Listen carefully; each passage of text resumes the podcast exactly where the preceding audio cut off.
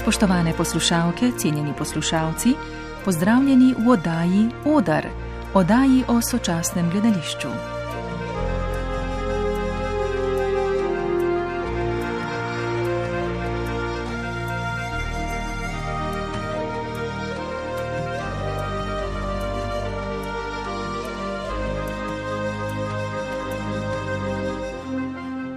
Kolektiv Beton Limited v svojem 11. letu delovanja ni pripravil predstave, temveč 29-urni dogodek s naslovom Hopla vir Leben, izgubljena gesta lastnega odstopa. Performance v trajanju, imenovan Predstavnina, so izvedli 25. in 26. septembra v stari mestni elektrarni Elektro Ljubljana. Po besedah enega izmed sogovornikov in stalnih sodelavcev kolektiva je tudi pogovor, ki ga bomo poslušali v današnji oddaji, del te predstavnine. Predstavnina je namreč izpeljanka iz besede mišljenina, kar bi v prevodu iz izvirnika pomenilo tisto, kar se misli. Beton Limited je lani praznoval deseto obletnico delovanja, zaradi pričujočih razmer pa smo se utegnili srečati in se o opusu, ki so ga soustvarili Primož Bezjak, Branko Jordan in Katarina Stegnar s sodelavci, pogovoriti na pragu njihove enajste obletnice. Predstavnina Hopla vir Leben, izgubljena gesta lastnega odstopa, se je slovesno otvoritvijo začela v soboto ob 17. uri in je trajala do nedelje do 22. Enkrat pozno po noči, na stiku sobotne noči z nedeljskim jutrom, smo sedeli pred staro mestno elektrarno in se pogovarjali. Vabim vas k poslušanju.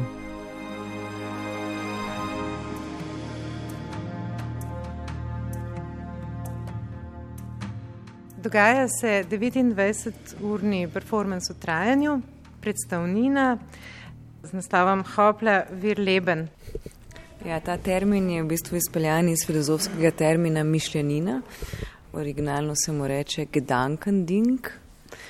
V angleščini se to prevaja kot thing of thought, tako da jaz bi se navezala na to, da je v bistvu ta predstavljina bolj kot nekaj, o čemer bi lahko razmišljali.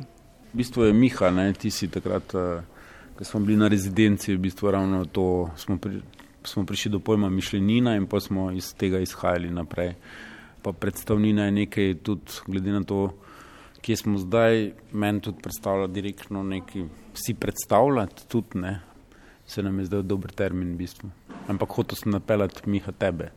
Um, si ti, v bistvu smo preko tebe prišli do mišljenine, ne, pa pol naprej. Mogoče bi še jaz rekel, meni se pa zdi, da tudi je termin, ki ni ne razstava, pa ne predstava, ne. Tako jaz najlažje razumem.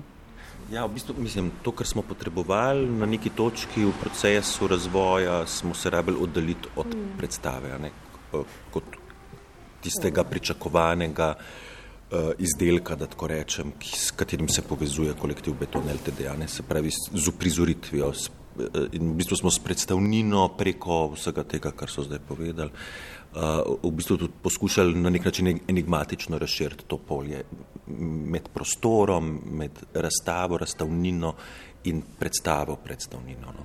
Gre pa v bistvu za neologizem, ne, tako da pač tudi tukaj pušča malo odprta vrata.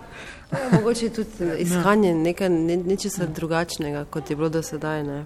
Pač se vedno iščemo, sem tukaj bilo pa z namenom iskanja nekaj ali drug medij. Ali, moče za to predstavnina, zato, ker če bi določili, da je medij, potem bi pač se odločili, ok, gremo v drug medij, ampak na nek način se nismo odločili čisto za drug medij, ker točno sami ne vemo, kaj to je. Ne. Potem pa, če pogledamo pravzaprav ta objekt, ki ga vidimo od gor uh, na vzdolj, ne. Torej, meni recimo so bile asociacije temeljni kamen, beton, potem jaz sem blazno žalostna postala, ker sem tole pogledala, ne, še s temi gradbišnjimi ograjami. Po drugi strani pa sem si mislila tako, ena taka bolj sentimentalna primera, kako skrbno je zaščiten ta temeljni kamen. Uh, mislim, ja, opis je nekako lep, ne, ne vem, uh, meni je vedno všeč, če kdo pač kaj pove, ne, tako da mislim, je tudi to lepo slišati. Um, jaz mislim, da lahko cel kup različnih formulacij uporabljamo. Ne. Zdaj, proces nastajanja je bil v bistvu kar dolg in kljub temu, da se, da, ne vem, da se nam je zdel, recimo, če gledam nazaj, ne, da smo v bistvu kar neke radikalne obrate naredili, uh, je pa po enem Če zdaj pogledam nazaj, se mi pa zdi, da je veliko tudi nekih stvari, ki so bile čisto na začetku postavljene kot neke izhodične točke, tudi ujetih v to. Ne. Zdaj jaz, ko gledam, recimo, ali pa ko poskušamo pozvati, včeraj smo postavljali celo noč, ne, pa smo pač imeli tudi eno priložnost, ko mal preživeti s tem objektom in s to strukturo, nekako živečo uh, v, v stari elektrarni. Mi samo to jedro seveda predstavlja tako mal, ne vem, ta Jeruzalem, ne, ta nek tabernakel, da tako rečemo. Ne. Ampak stvari so se v bistvu zelo plastile. Ne. Recimo beton kot material, naprimer, je zelo zgodaj prišel ne, v, v, v naše razmišljanje ali pa se nam je zdel, da je mogoče material, s katerim bi mogli nekaj početi. Smo mogoče hoteli to še celo bolj radikalno, pa se je na koncu zreduciral na v bistvu samo en element ali pa na podstavke. Ne. In, in vsaka od teh posameznih elementov ali pa gradnikov, ki so zdaj vključeni, je v bistvu uh, plot enega kupa in od, od nekih odpovedi, odstopov od nekih idej in v bistvu na nek način pa tudi seštevkov celega kupa stvari, ki so bile na začetku. Ne. Tudi jaz jo razumem tako žalostno, mogoče celo res malo sentimentalno, ne, ampak v bistvu neko tako ganljivo, kljub svoji surovosti, strukturo, jo razumem v bistvu kot zelo krhko, na nek način cela tako s to postavitvijo, kjer se je ohranil auditorij eh, prazen, kjer lahko obiskovalec se usede, opazuje situacijo, ki se pred njim v navidez praznem prostoru dogaja. Se mi zdi zelo kontemplativna v bistvu ta cela reča. Eh, Mačkam se izogibam besedi predstavnina, ne, tako, ker to smo se enkrat pogovarjali, v, na, mislim, recimo v mojem miselnem toku je predstavnina, ne, ne samo ta objekt, tako, ampak v bistvu vse ta proces, ne, se pravi od otvoritve do zaprtja z vsemi vodenimi ogledi in tako. No. Ampak ljubkovalno je pa, ali pa tako, mi pa včasih vendarle rečemo, tisto noter je pa predstavnina, ne, ampak dobro, to je zdaj digresija. Govorili ste o teh različnih idejah, luščenju, eh, skupku, seštevku. Ste lahko malo bolj konkretni, torej katero je to referenčno polje? Zdaj eno eh, ste že omenili, torej ta filozofski termin, kaj pa ostalo, kje ste se gibali? Ja, v bistvu skozi cel proces je ena dolga pot. Ne. Zdaj, glede na to, da smo v bistvu kot kolektiv iz nične točke začeli nas vseh pet skupaj, ne, je ena taka, moram reči, neka full dolga pot. Ne. Ampak je zanimivo, da, da so zdaj v trenutni predstavnini res elementi, ki so se recimo pojavljali čist na začetku, pa čeprav je bilo to drugače mišljeno. Um, Sigurno je ena štartna točka bila eh, nekega zavedanja nas vseh, kar je povezano seveda s časom, um, tako vedno, ampak je bil, rečemo temu, ta čas zadnjega leta pa pa še bolj specifičen in pač seveda občutja zaradi tega časa. Ne. In uh, nekako smo prišli do tega, da najprej smo želeli iti stran iz teatra in prvo, kar je neka največja, kar je bil glavni, glavni podstat, pod postament, pri tem projektu je v bistvu bil, da smo razmišljali o tem, kako znižati v bistvu našo pozicijo, uh, se pravi, performerjev, kako jo znižati in približati v bistvu poziciji gledalca. In tu je bila ta, meni se osebno, najmočnejše izhodišče v bistvu tega projekta. In od tam naprej smo začeli razvijati. In uh, seveda na začetku je to bilo še vedno v okvirih neke vrste predstave, ne, ne neke vrste. Ne. Ampak uh, je seveda tu uh, prišlo do veliko vprašanj in odgovorov. Ne. Zdaj, že po defaultu te pozicije skoraj ne moreš izenačiti. Ne. In potem smo šli pač res globije in globije v to, da smo prišli potem do take redukcije, ne, da smo se v bistvu mi praktično odpovedali tudi tej poziciji. Um, in to je eno od odstopov, ki je v tej predstavnini. Kaj pa v likovnem izrazu, recimo, katere so bile reference, ki jih mogoče vidimo ali pa ne več? Jaz bi se moče prvo tukaj povedal, meni se tukaj zdaj primož govoril, se mi zdi zanimivo, ampak um, ideja, kako smo pristopili do dela, je ravno, da smo odstopili od uh, teh nekih um, naših ustaljenih, um, kdo je igralec, kdo je uh, scenograf, kdo je dela svetlobo. To smo poskušali skupaj narediti, to se mi zdi zelo pomembno. Zato se mi zdi, da jaz odgovarjam kot likovno, ker se mi zdi, da je tu zelo um, bilo dosti debat in tudi zanimivo težkih debat, kako ustvariti uh, to končno predstavnino, zato ker smo mešali um, mislim, pozicije. Nismo več uh, Vsak svojega področja. Ja. ja prosti, prosti. Ja, ja, dobro, Ne, ne, ne, ne, ne. ne, se, ampak to Ne, sem pač hotela povedati. Ja. Ja. Ja, to se mi zdi ful pomembno no, pri tej stvari, da ni, ni, nismo več uh, vsak svojega medija upravljali, ampak smo probali to kot, en, kot neka celota narediti. Zdaj sem se, zdaj sem se čisto zmotala. ti mogoče poveš, ti, boš to, ti je to bolj uh, lažje razložiti. Mislim, meni se še ta pogovor zdaj zdi, da je to vse del neke predstavnine. Ne? Ker eh, zdaj, današnji dan se je začel z otvoritvijo, kjer so bili vsi elementi zelo premišljeni, eh, se pravi, kaj, kako, kdo, zakaj. Uh, Spravi, v bistvu vsa zgodba, ne, vse ABC, neke likovne ali galerijske ali gledališke umetnosti se je premišljeval. Ne. Se pravi, kaj je program otvoritve, kaj se zgodi na otvoritvi, kakšen je, je, je vstop eh, z napisom, z razlago nečesa, preden prideš do samega umetniškega dela. Eh, oziroma kaj je pol tisto umetniško delo, ki ga gledaš. Ne. Se pravi, ko si prej rekla, da gledaš ta nek temeljni kamen, ne, ta temeljni kamen je samo en delček mozaika, isto kot je bil partitura Hopla Virleben saksofoni narejena. Ne. In isto se mi zdi tudi ta pogovor, ki ga imamo mi zdaj tukaj, je, je spet neka stvar, jaz se ne vidim kot nek pa ne bi rekel za nek PR-jevski moment ali pa nek, eh, vidim sam kot del vsega procesa, kar se pač ljudem, ko se odločijo, da bo nekaj skupaj naredili, dogaja. Ne? In, in se mi zdi to, ta del procesa tisto eh, pomembno, ker se potem sploh začne vprašanje, kaj je kolektiv, pa kakšen je način kolektivnega dela. Ne? Ker uh, zdaj v nekem pravem kolektivu uh, ali pa v nekem nehierarhični zgodbi je, so potem stvari zelo odprte ne, in, in je vsak signal, signal, ki lahko ladjo in smer poti zelo spremenine.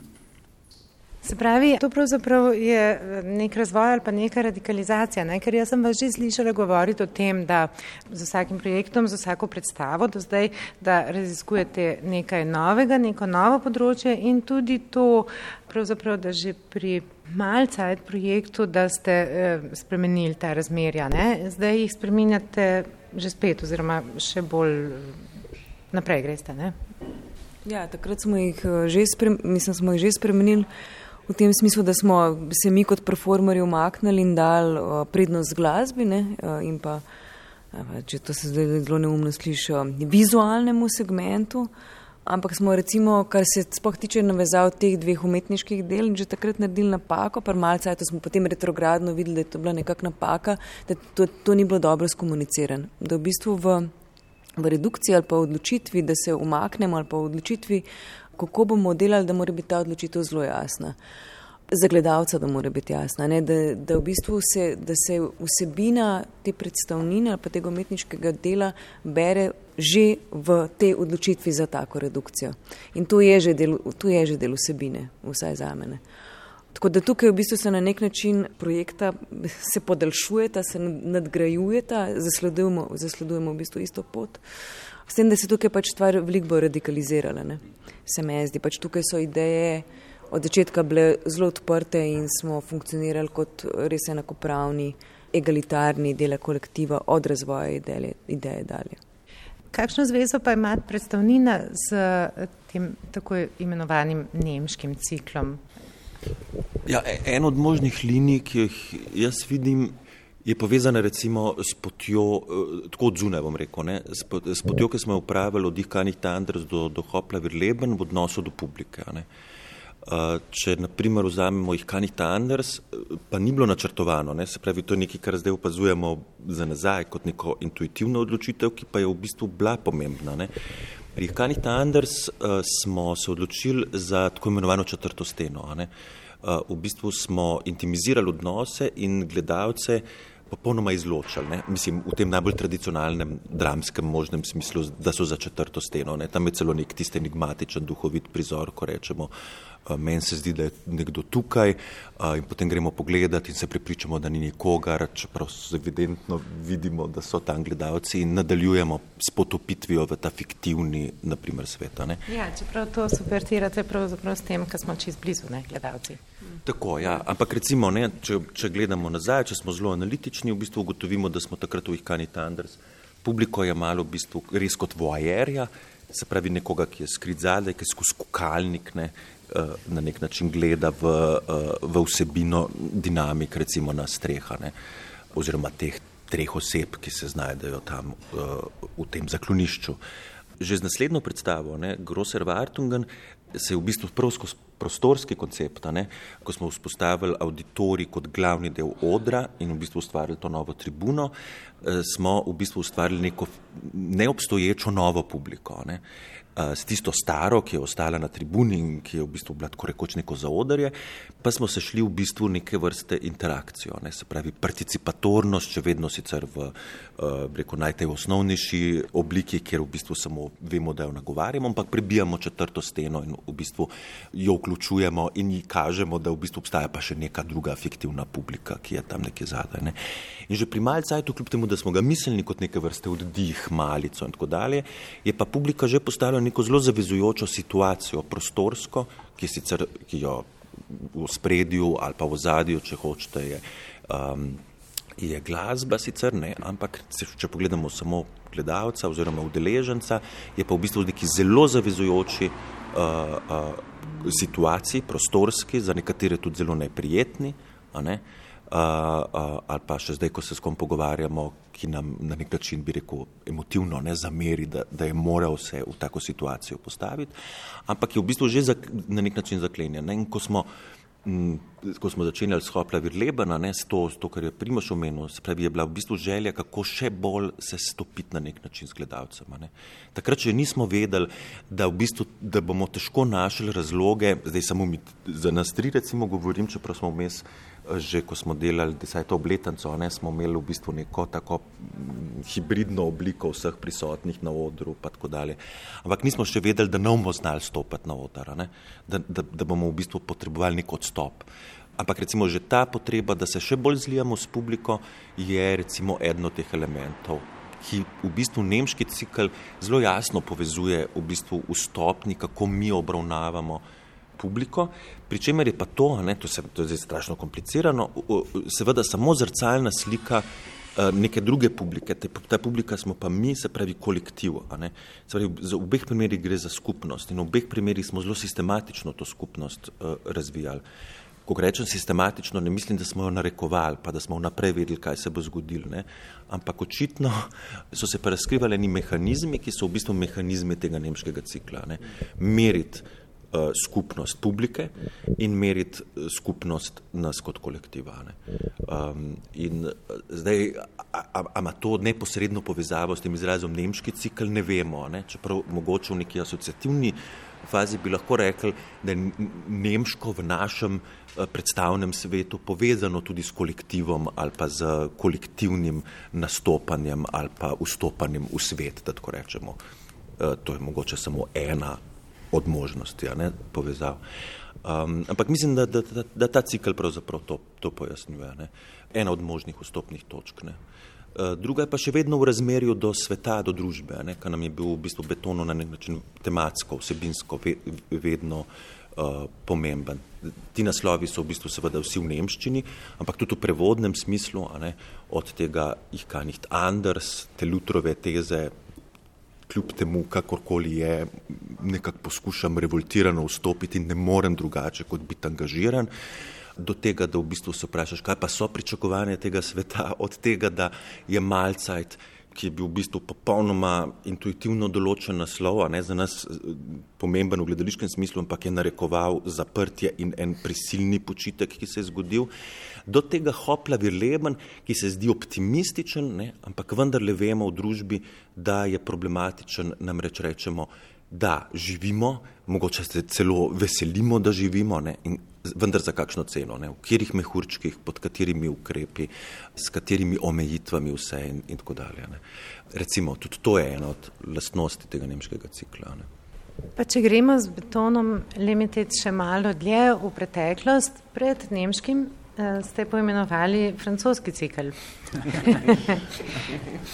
Dobro informirana. Ja. Posluša kolege na radiju. ja.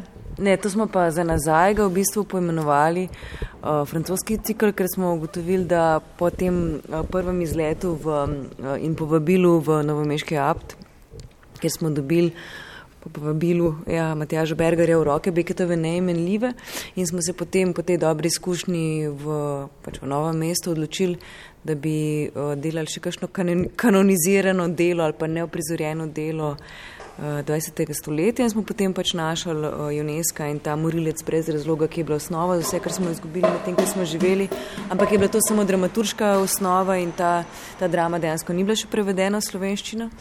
Uh, potem smo pa vzeli v bistvu še uh, za uporni človek, smo pa vzeli predlog uh, po Kamijevi, uh, po Kamijevem v bistvu eseju, a ne uporni človek in takrat smo tudi že nekako poskušali zbrusiti robove svojega kolektiva, ker smo k sodelovanju povabili tri filmske režiserje. Tako da ta neka želja po tej širitvi ali pa. In živali. Ja, in živali, ja, ki so vadile veliko več časa kot mi na odru.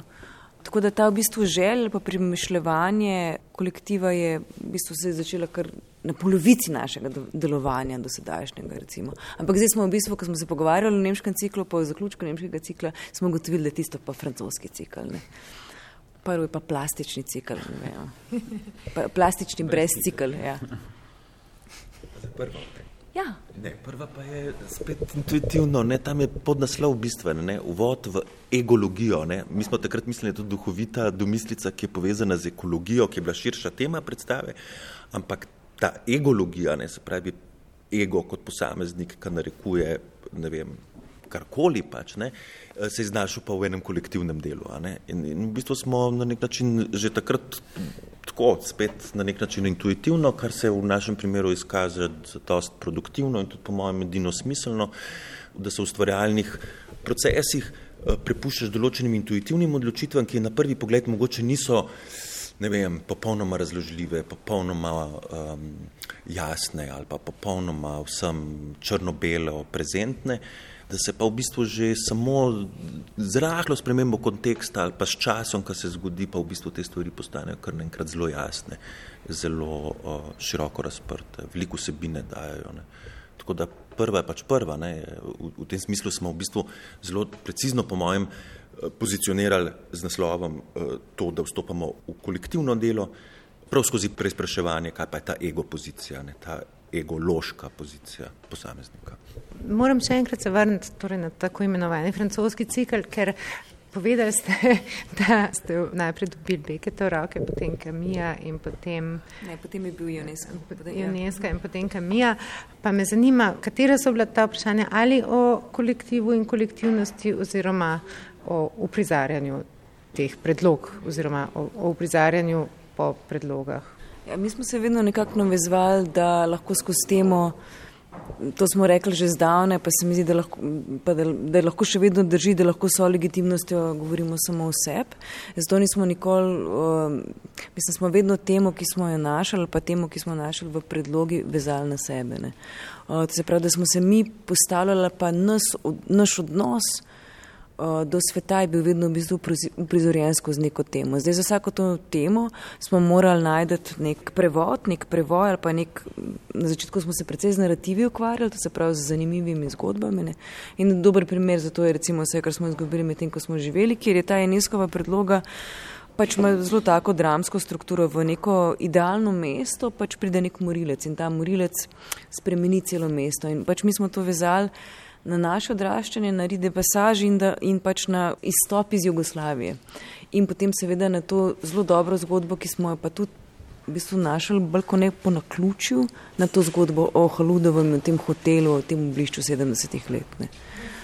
Isto smo, smo želeli poiskati narativ v upornem človeku, ker smo narativ iskali spet skozi te neko ego, ego pozicije, ki so bile manifestirane skozi tri kratke filme, v katerem je bil v vsakem kratkem filmu protagonist eden izmed nas. Ne. Tako da uh, smo se v bistvu vedno poskušali sebe nekako ali pa svojo generacijo, mogoče to je najboljš, ki pogojuje neke odnose do sveta ali pa govori o nekih kontekstih, ki so za neko drugo generacijo nemisljivi, smo jih pač poskušali postaviti v nekaj vidnega. In to se ponovadi dogaja skozi narativno, vsaj v tem francoskem ciklu. Kdo pa je bil še vaš eh, tak eh, širši umetniški sodelavec ali pa svetovalec? Zdaj omenili ste Matjaža Bergerja, verjamem, da ne vem kako privšek, um, vsaj z začetkom, torej tudi glede na temo. Še kdo? Absolutno, Matjaš Pograjec, oseba, ki nas je brusla v nekem obdobju. Ne? Mi smo pač, mi trije smo v bistvu vsi eh, skozi beton tanc na nek način vstopili v razširjene emancipatorne vloge igralcev, da tako rečem, tudi v širše?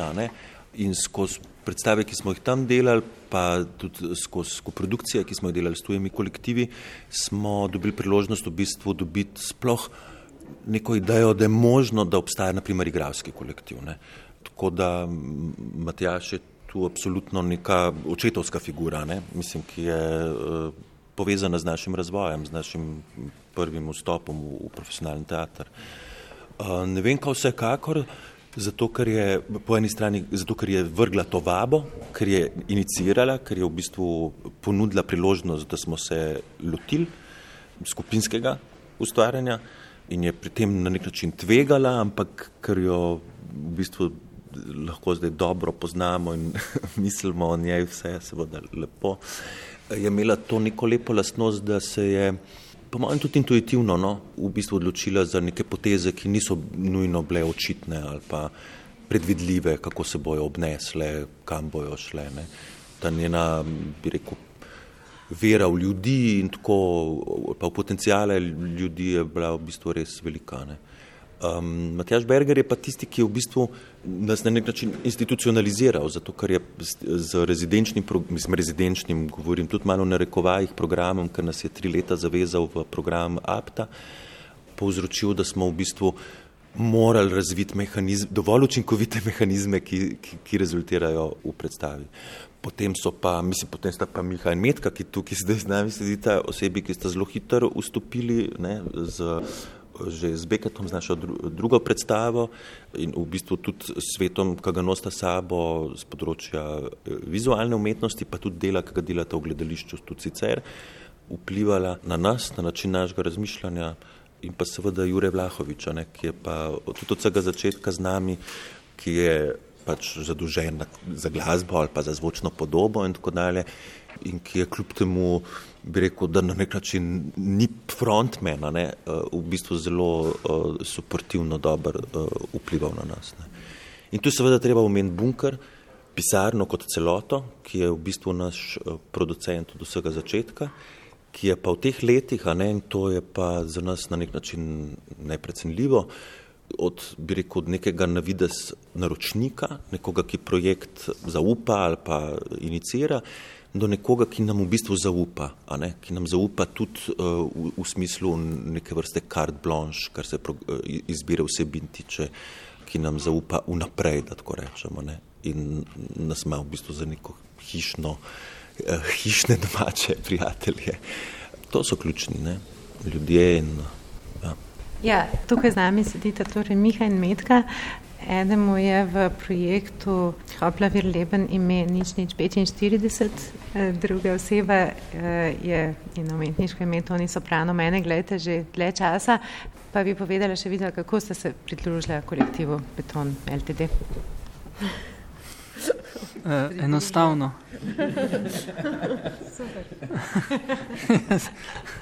Ja, sej, ko danes poslušam, jaz mislim, da nisem član kolektiva Beton LTD. Se nisem.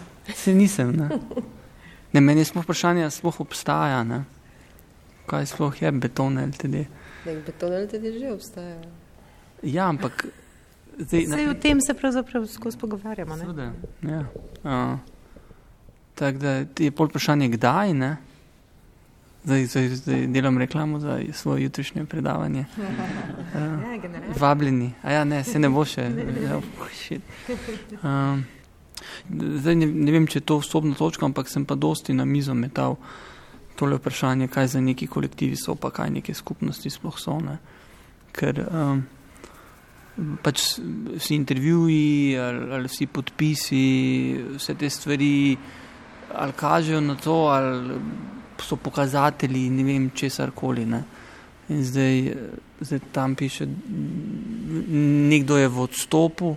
In, in danes sem se pogovarjal z ljudmi, ki mislim, da niso videli toliko predstav betona LTD-ja o tem, da ja, je to zdaj konec in vi ste končali in se morajo ljudi pomirjati. In tako sam ne vem, kaj bo naprej, ampak sem rekel, ne, se zdaj ni to zdaj nek konec. Pač nek cikl, ki se je sproščeno začel, se pač končuje, zdaj kar se pa kolektiva tiče, pa uh, ne vem kaj in kako. Tako da zdaj vprašanje, kako smo vstopili, je uh, dosti naporno, v bistvu enostavno in dosti naporno. Ne.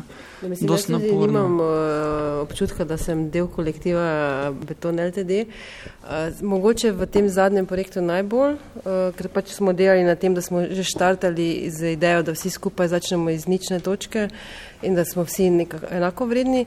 Drugače se mi pa zdi, da ponavadi je vedno bilo tako, da so oni predlagali, kaj se dela, pa so bila mi da povabljena zraven kot vem, scenografa, svetlobna oblikovalca.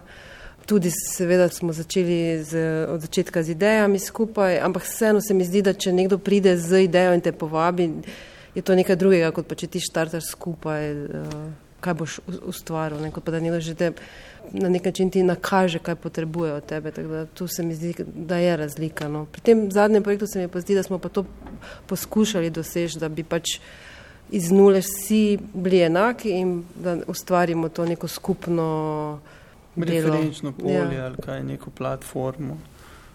Ampak se mi zdi, da je, verjetno to ni zdaj zaključek egologije, ampak Je pa seveda vedno ne, za mizo zanimivo opazovati eh, e, ego, eh, situacije in, in kaj bi rekel, neke estetske naravnave, konceptualne naravnave ljudi, razumevanje umetnosti, razumevanje sodelovanja.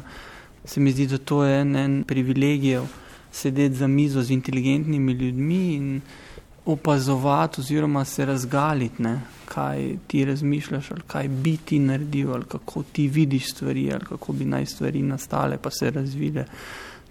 Meni se tudi zdi blazno zanimivo, naj prestop, odstop iz eh, likovne eh, umetnosti v gledališki svet je bil prav za mene naprimer, zelo zanimiv, ker tam si ti kot uh, ti, ki določaš, kaj bo tvoje delo, kako bo izgledalo. Ne? Tu priješ v skupino ljudi in pač recimo, mene v gledališču zanima prostor najbolj. Ne?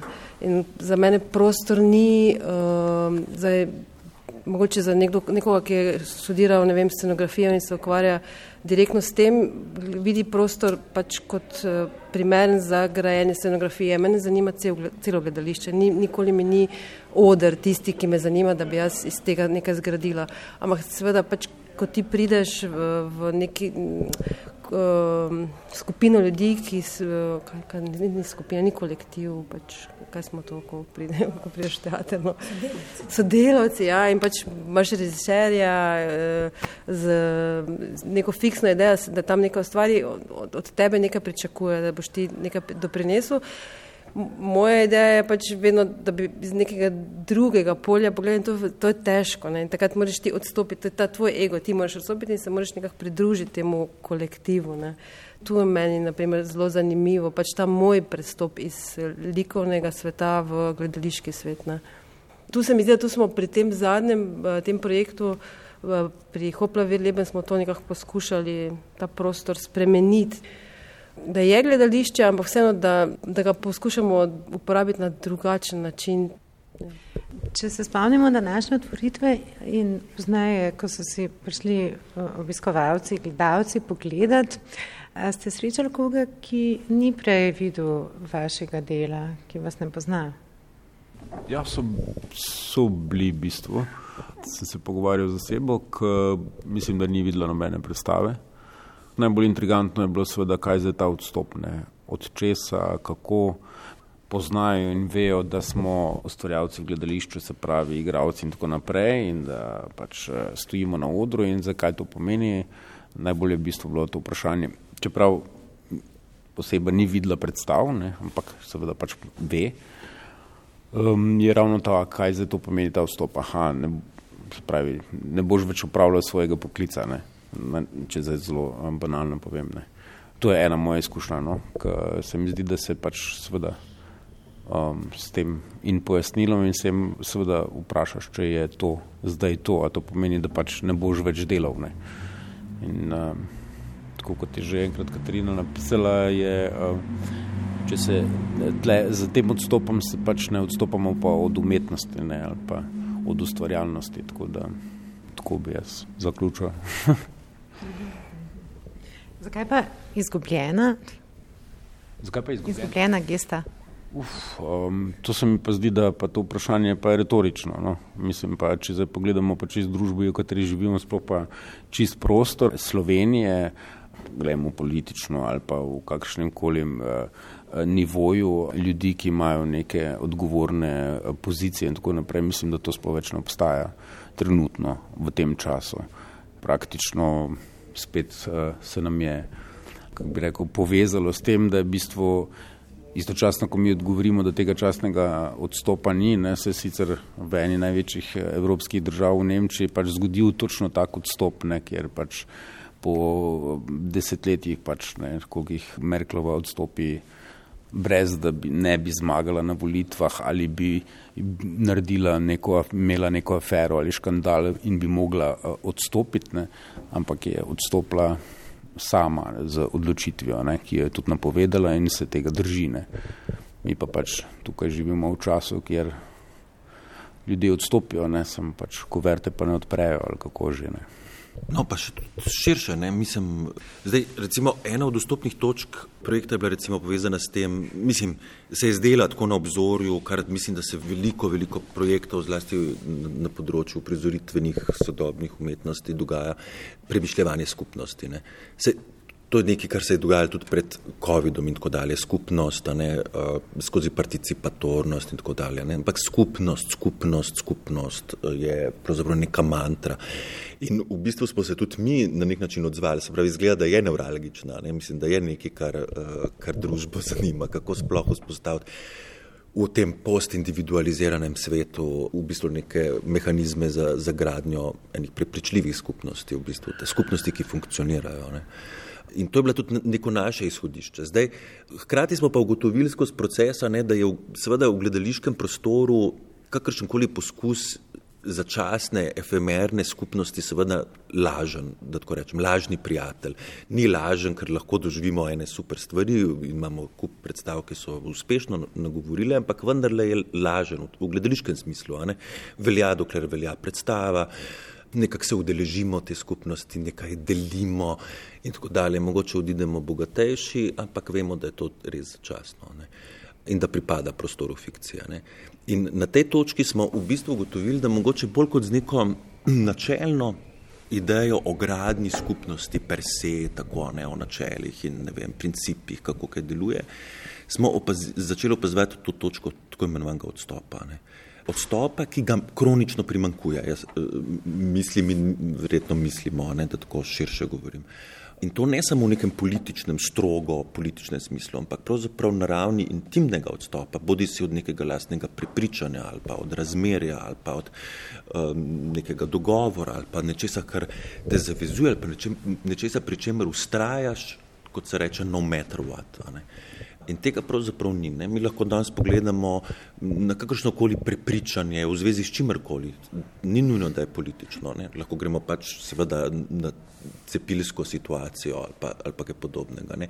Se pravi, tako imenovana čuječnost, I hear you, but ne, ostajam pa na svojem. Ne? In zdi se, da je v bistvu prav ta manjko točke odstopa, odstopa od nečesa, prepričanja, teze, ki jo imaš, uh, odnosa, ki ga imaš do nečesa, da je tisto, kar primankuje. Ne? In v tem smislu je to izgubljena, izgubljena gesta tega odstopa, ker jo premalo uporabljamo.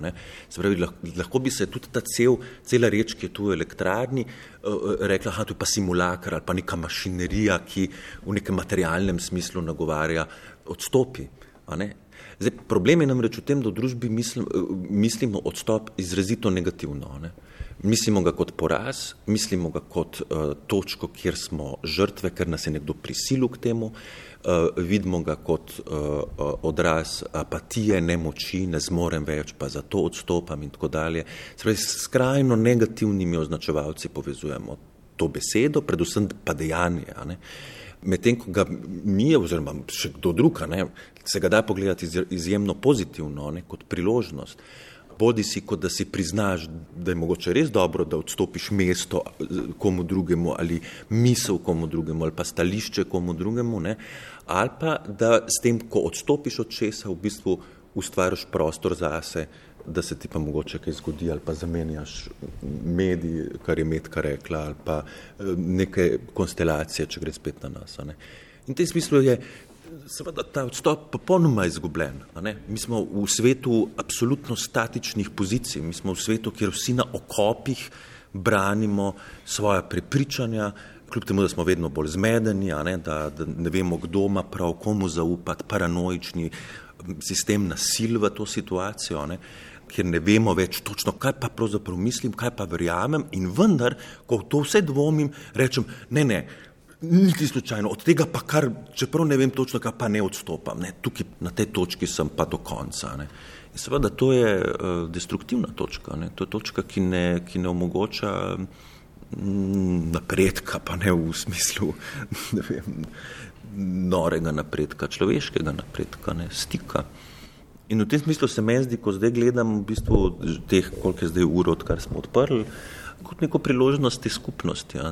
Mislim, ta odstop je v zraku, odstop je v bistvu vendarle intimna, to, tako mislimo. Ne? še to, ne, mogoče vedno odstop, mislimo, seveda, najbolj nam je prezenten ta politični odstop, ne, ali pa abdikacija, ne, kraljevska, ne, mislimo ga skozi tiskovno konferenco, skozi, konferenco, skozi neko pomembno dejanje, skozi neko, nekaj, kar se sporoči svetu ali pa nekaj tazega. Ne, odstop je pravzaprav dan prej ali pa minuto prej, ko je človek sam, ko reče pri sebi, um, bom odstopil ali pa ne bom odstopil. Ne. To je zelo, zelo intimna točka ne. in te kronično primankuje, v to sem prepričan. Ne. Pri vas pa to lahko razumem tudi kot kolektivno gesto upora. Ja, ne, sej tam točno v tem, kam mi, kam mi upornem človeku reče, ne, do točke, od tu pa ne morem dalje. Ne. Prišli smo do točke, ko moram reči ne, pa tako dalje. Ne. Ampak v bistvu kolektivna, mislim, gesta upora je v tem smislu, da smo mi rekli, ok, če odstopamo ali pa če se nam zdi pomembna točka, zdaj kaj, bomo spet moralistični pa od drugih pričakovali ta odstop. Ne? In seveda moramo v bistvu mi nekaj ponuditi, ne? nimamo veliko za ponuditi. Tako kot je Petra uh, Varl prej rekla, zdaj le omenjam, ker tu blizu sedi, ne? ampak vi odstopate od nečesa, kar je vendarle ena lepših stvari v vaših biografijah, od, od te lepe stvari odstopate, ne? nekaj tazga, citiram skoraj. Ja, seveda ne. Kar pa ne pomeni, da se tudi lepe stvari ne da misliti, kot da so se na nek način izčrpale. Pa spet ne govorim kot tragično dejstvo, ampak kot, kot neko vita. Ne? Meni se zdi, da, se zdi, da odstopa se od nekega načina. No, od načina, tako je. Ja pa se išče drug način. Ja. Ampak to priznanje. Ne, ne? pa od uh, ja. Ja. lepega. Ja. Ne pod lepega. Od lepega, definitivno. Ne. ja. Ampak to, to, to priznanje pa je subverzivno v svojem smislu. Ne, mislim, se, se spomnim trenutka, ko smo v Vovčah to se pogovarjali, ne vem, ko še ni bil odstopek, smo rekli, jo, ne morem več stopiti na odr. Ne. Nekaj pretresljivega v tem momentu in tudi nekaj dragocenega, zaradi tega, ker meni se zdi, da vsak ustvarjalec, tako se mi zdi, da sem že pač v teh letih, po mojem, no, sigurno pride v življenju do točke, ko čuti, da se je izčrpal ali pa da je v nekem kotu ali pa da mora neko brat narediti ali pa da se mora sestopiti ali pa zamenjati. Zdaj eni to počnejo vampiristično, pa se oborožijo z mladimi ljudmi okrog sebe ali pa kaj ta zgane. Zdaj govorimo tako malo v gledališkem smislu, kaj je več možnosti sodelovanja. Ampak je to na nek način v, v, v, v umetnosti, kot jaz poznam, mislim, ali pa kot dojemam, vendarle tabu. Tabu je pa zato, ker je povezan s tem, da spet nekomu priznaš, da uh, ne zmoreš kao. Sploh ne gre za to, ne? gre za to, da oceniš, da rabiš neko, nek premislek ali pa nek, neko, mogoče sploh ne premislek v smislu mentalne, mentalnega premisleka, ampak in tudi ne malcajt, ne malcajt je vesel tam ali pa prisilen, ne? Ampak da, da pustiš času. Ne? da odločiš na mestu tebe, da, da, da te ponudi ali pa da se ti odzoveš na nekaj. Zelo je tabuiziran, ne, ne pomnim, kdo je kaj veliko o tem govoril, zato ker nas to dela ranljive, ne, uh, ker vizavi drugim, ne, mi vsi tudi v umetnosti, tako kot posod drugot, je neka kompeticija, je tekmovanje ne, in ko ti rečeš, joj, recimo, da je to hipotetična situacija, sem pa v neki zanki ali pa moral bi nekaj spremeniti. Ne. Tako kot to priznaš, se naredi šipkega v bistvu. Ne. Veš, da je to lahko nevarno, da bo tako nekdo rekel, a s tem le pa konec, ta je pa za v penzijo, ta se je pa izčrpal, ta pa nima več kaj zapovedati. Ne. In zato o tem malo govorimo, ne. kljub temu, da vsi po mojem to doživljamo. Ne. Bomo počasi zaključili naš pogovor, ampak eh, še vseeno bi pa spomnila na bližno preteklost, ko se je zgodila dražba v dražbeni hiši For Sale in sicer dražba predstave jih Kanjih Tanders. Kako pa to razumete, kako gledate na to? Ta predstava je eden izmed naših hitov, ne? eden izmed dveh naših hitov. Hecen, kako smo v bistvu ta hit, ne? kako smo mu na nek način hoteli dati nov kontekst in to iz dveh zornih kotov, zato ker pač v teh petih letih, odkar je ta predstava na repertoarju sodobnih slovenskih scenskih uprizoritvenih praks, ne, uh, je morda že malce izčrpala svojo publiko. Ne predvsem v domačem kontingentu, zato ker tu je zdaj malce nedosegljiv in je pa že to pa mehna digresija. Ravno pred korono smo bili na enem zelo uspešnem gostovanju v New Yorku in takrat se je začela odpirati recimo cela Južna Amerika. Zato predstavo, na kar je ta Južna Amerika seveda padla v Atlantski ocean skupaj z virusom. Hoteli smo pa predstaviti nov kontekst. Ne. V bistvu smo si mi želeli biti ready-made na nek način. In uh, mislim, da, da je že se začel dogajati naš notranji eksperiment s tem, kako bi bili pa mi, če bi obstajali v klasično gledališki relaciji, kjer nekdo se pravi, bi se prvič spostavili takemu eksperimentu, da nekdo drug prenese idejo, ki jo sicer mi skupnostno razvijamo, ne, to idejo, medtem, ko moramo mi svoj redimet postaviti na odr, ko ga je treba v bistvu umestiti v to, v to večjo lupino predstave Frusel, postanemo pa izvajalci. In mislim, zdaj bom govorila zelo osebno, da je bila ta izkušnja za nas traumatična. Mislim, za me je bila traumatična. Zdaj, ker, ja, ker mi se na tem nivoju povej nekaj hitreje, povej, stopi bolj tja, bolj luč, počasneje, mi se nikoli na tem nivoju ne pogovarjamo. Mislim, mi drug drugega ne tretiramo kot izvajalce. Razen, če kdo recimo pozab tekst, ne vem, pa tudi to ne. No. Tako nam je to banalno, no, pač v naših medsebojnih odnosih.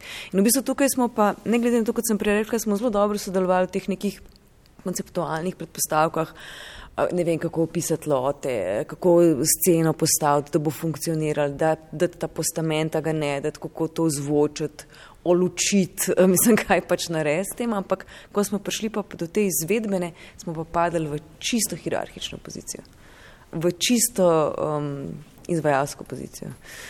No, ampak kaj vas je pa prisililo v to?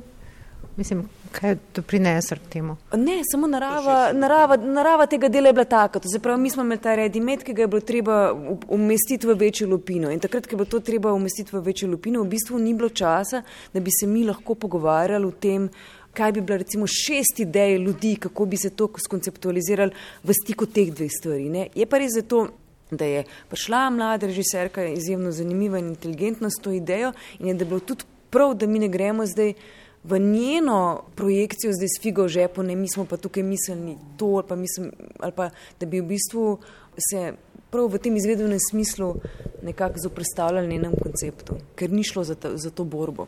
Šlo je za to, da pač se, se v bistvu prepustimo prav tej taktirki, ki pa ni bila vedno um, božajoča, kako bi temu rekla. Pa ne govorim o naših odnosih znotraj Forsejla, ampak o našem, mojem subjektivnem notrnem občutku. No, ja, to na ven ni bilo videti, da je ne, pravzaprav sej, to ne, sej, um, tako prizorjeno. Ja. Ne, se, jaz mislim, da gre v bistvu za, samo za notranji občutek, zato ker uh, gre za to, da smo v bistvu bili res en kolešček, ne mislim, da ta prodajno blago, ne, artikel, artikel ne, pomemben, ne, ampak uh, znotraj te funkcije, ne, se to, tega smo se zavedali, seveda, ne, ampak o tem Katrina govori, da je pa to znotraj naših razmeri bil neobičajen uh, občutek. Ne. Meni se tako zdi, da v luči tega hople, um, virleben, da pa ni nepomembno, da smo v tem istem letu prodali, mislim, da, da smo se spustili v ta projekt, ki je vrednotu lastništvo, naprimer, ki je vrednotu v bistvu, ki je prenesel lastništvo tudi naše ali pa enega dela predstave na nekoga drugega, uh, kjer smo se odprodali, naprimer, ali pa se dali na tržišče. Ne. Pa čeprav je to umetniško tržišče, pa naklonjeno tržišče, ampak uh, ima svoje zakonitosti. Ja, ne. Občutek je pa, da vas je tam manj kot tu. Ne, tudi, ne, je težko govoriti, ker gre v bistvu za končano predstavo, ne, pa za predstavo, ki živi pač svoje življenje, ampak je na nek način zaprt sistem. Um, in je v bistvu bil ta trg z novim sistemom širšim zanimiv, In v bistvu je šlo za sodelovanje.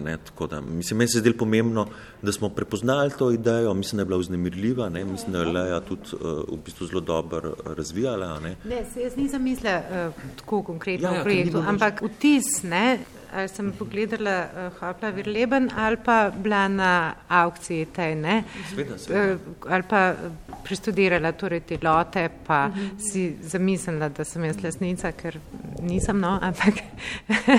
ja, no, ja. mislim, to je pa to, ker ne, to pa se da zdaj meriti tako. Jaz mislim, da za določene ljudi so naši projekti, si predstavljam, lahko premalo koncizni, zato ker so na nek način osebni na tej kolektivni ravni. Ne? Za druge ljudi pa to izrazita prednost, zato ker v bistvu ravno iz teh delčkov nedefiniranih, netotalitarnih idej ali pa idej, ki se pretransformirajo, preden pridejo do končnega rezultata. V bistvu je pa tu zdaj neka duša, no, si predstavljam, zdaj tako malo poetično govorim, ker je pozna ura, ne.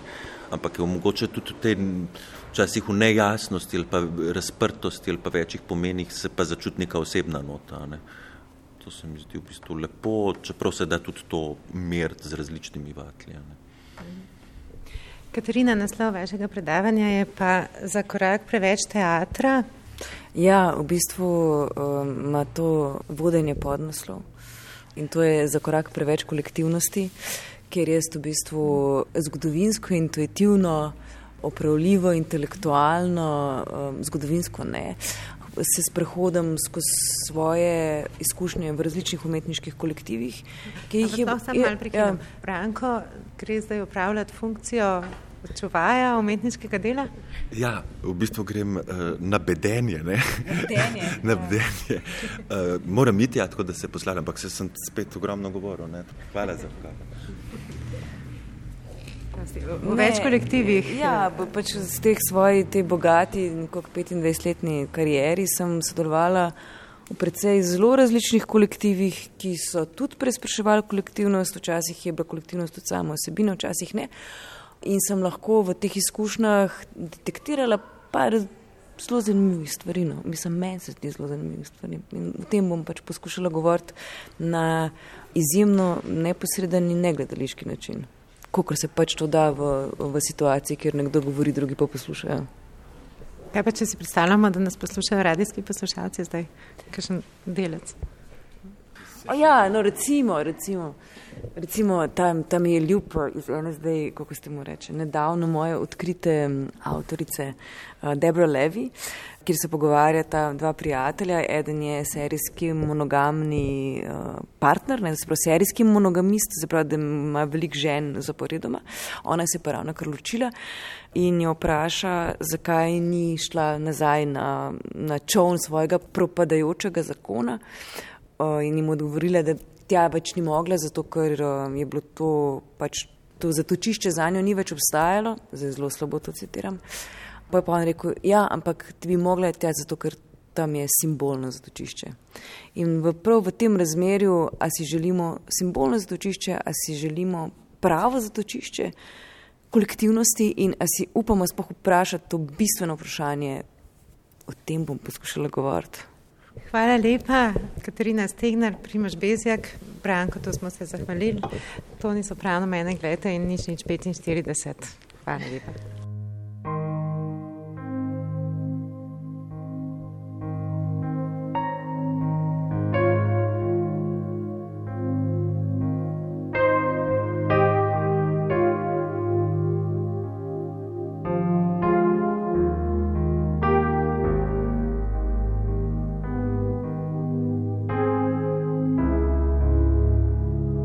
Poslušali ste Oder, oddajo o sočasnem gledališču.